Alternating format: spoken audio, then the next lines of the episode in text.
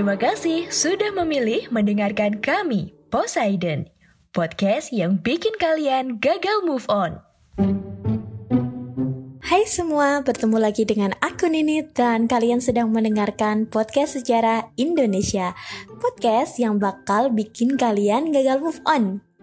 Terima kasih kepada kalian yang sampai sekarang masih stay mendengarkan Post Eden untuk mengetahui berbagai wawasan mengenai sejarah. Jangan lupa juga untuk mendengarkan CDML atau cerita dari masa lalu yang isinya adalah kisah-kisah nyata dari pengalaman orang lain. Tentunya bakal menarik untuk didengarkan. Let's check this out. Kalian pasti tahu dong kalau di Indonesia itu mayoritas orangnya beragama Islam dan masih ada lima agama lain yang diakui oleh negara kita. Apa saja itu? ada agama Kristen, Katolik, Hindu, Buddha, dan Konghucu. Nah, agama-agama yang ada di Indonesia itu kita bisa katakan sebagai agama dalam tanda kutip turunan. Kok bisa dianggap turunan? Nah, hal ini itu didasarkan karena agama-agama tersebut itu bukan asalnya lahirnya itu di Indonesia, tapi berasal dari bangsa lain yang datang ke Indonesia kemudian disebarkan sehingga budayanya itu bercampur dengan kebudayaan asli Indonesia.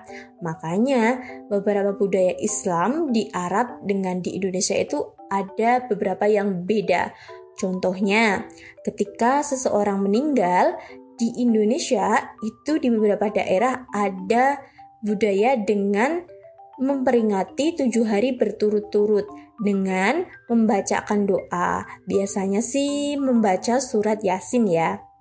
Sama halnya dengan agama Hindu, asalnya yang dari India itu bercampur dengan kebudayaan asli negara kita yang sebelumnya dan berkelanjutan sampai sekarang. Contoh nyatanya bisa kita lihat di daerah dengan jumlah penganut Hindu terbesar.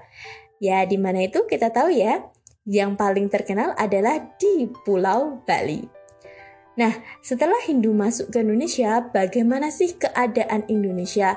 Apalagi sejak Hindu masuk, itu kita sudah mulai mengenal tulisan. Dan dari sinilah itu menjadi titik perubahan besar. Pengen tahu lebih tepatnya? Let's listen up.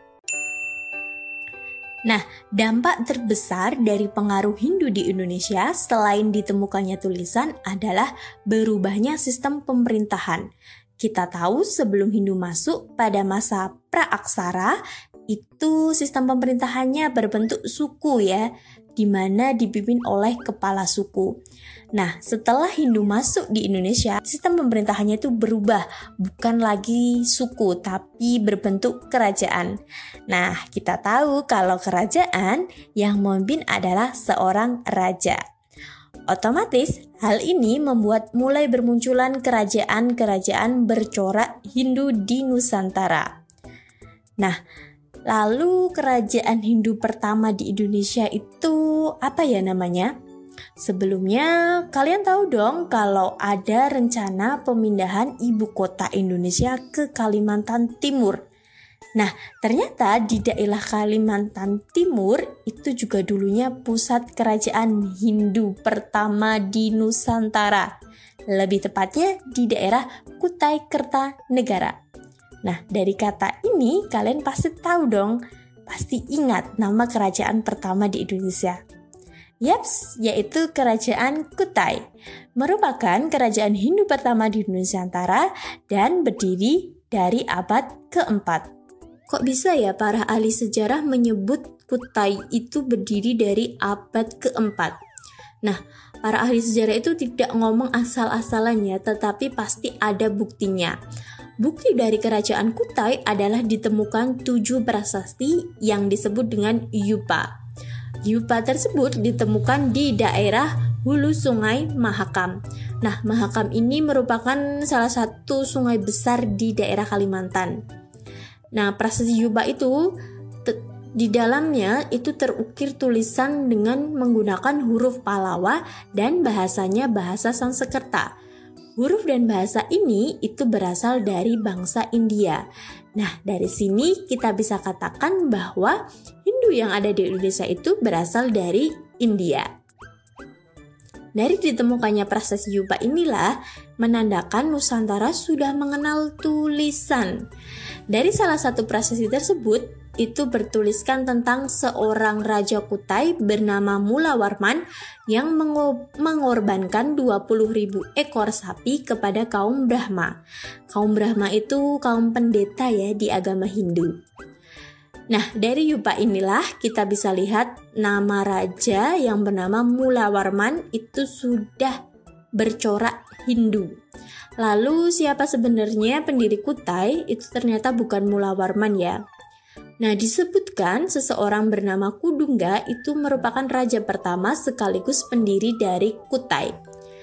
Kenapa? Karena dilihat dari namanya itu masih bercorak Hindu, sehingga disebutkan bahwa Kudungga itu yang mendirikan Kutai sekaligus mengundang Brahma atau pendeta dari India untuk menghindukan dia.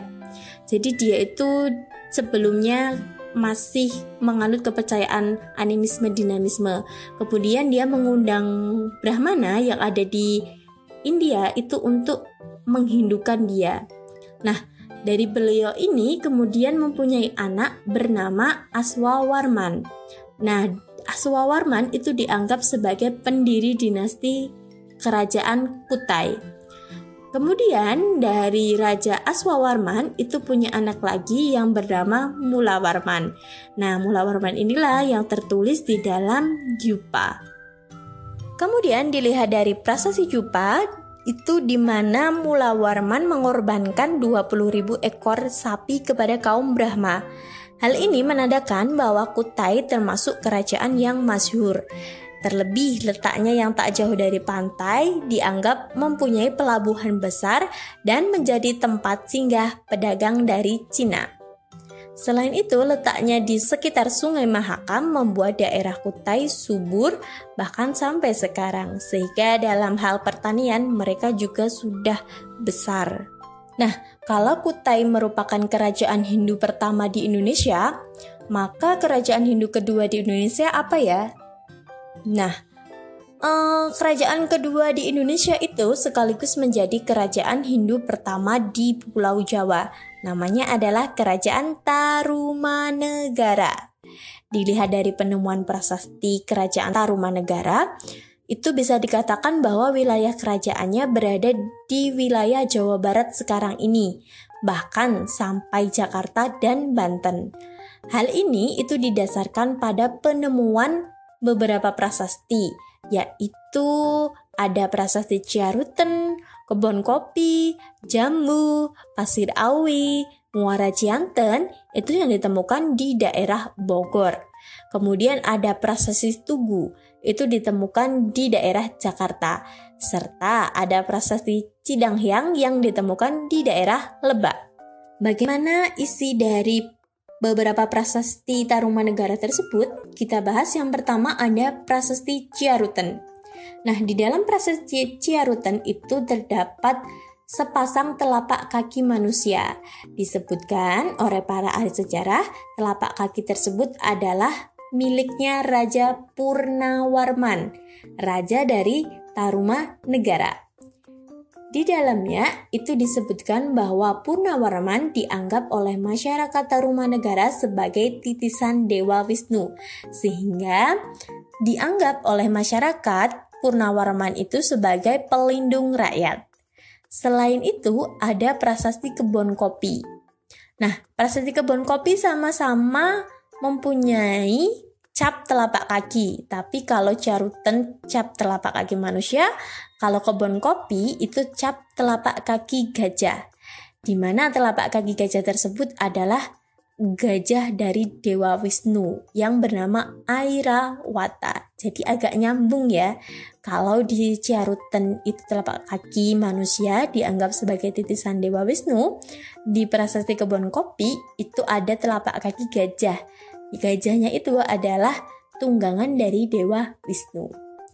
Kemudian ada nih prasasti yang paling lengkap dan bisa dibaca, yaitu prasasti Tugu.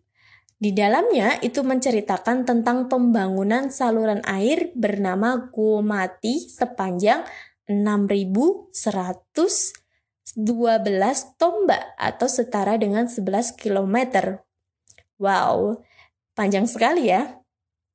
Selain itu, disebutkan pula adanya penggalian sungai Candabaga yang oleh para, para ahli dianggap sebagai sungai Bekasi sekarang ini karena dilihat dari namanya Bagasasi yang dianggap sebagai asal mula kata Bekasi dan dilakukan untuk menanggulangi banjir. Wah, ternyata banjir di Jabodetabek itu bukan terjadi akhir-akhir ini aja ya, bukan dari gubernurnya Ahok lah, gubernurnya Anies lah, tapi sudah dari zaman Tarumanegara itu sudah ada banjir. Oleh sebab itu, mari kita rawat bumi ini dengan baik ya, agar tidak terjadi bencana alam lagi. Akhir dari kerajaan Tarumanegara itu pada saat dipimpin oleh Sri Maharaja Linggawarman yang kemudian pecah menjadi dua kerajaan. Ada kerajaan Sunda yang menguasai wilayah Tarumanegara di barat dan kerajaan Galuh menguasai wilayah di kerajaan Tarumanegara bagian timur. Dari sini otomatis kekuasaan kerajaan Tarumanegara sudah tidak ada lagi. Dari dua kerajaan paling tua di Indonesia, ternyata masih banyak lagi loh kerajaan Hindu bermunculan. Bahkan ada kerajaan dengan corak Buddha yang bisa kita temukan di Pulau Sumatera ya yang paling terkenal yaitu kerajaan Sriwijaya yang akan kita bahas di podcast episode lainnya. Nah, walaupun negara kita mayoritas beragama Islam, namun agama yang masuk dulu di Indonesia itu adalah Hindu.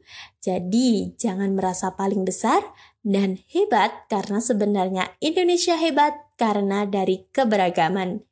Mari satukan keberagaman agar kita semakin kuat.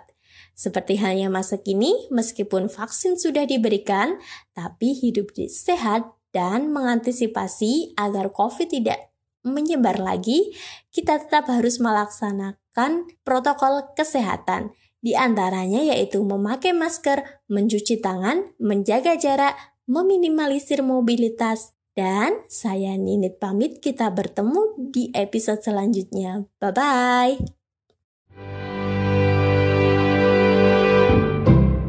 Terima kasih.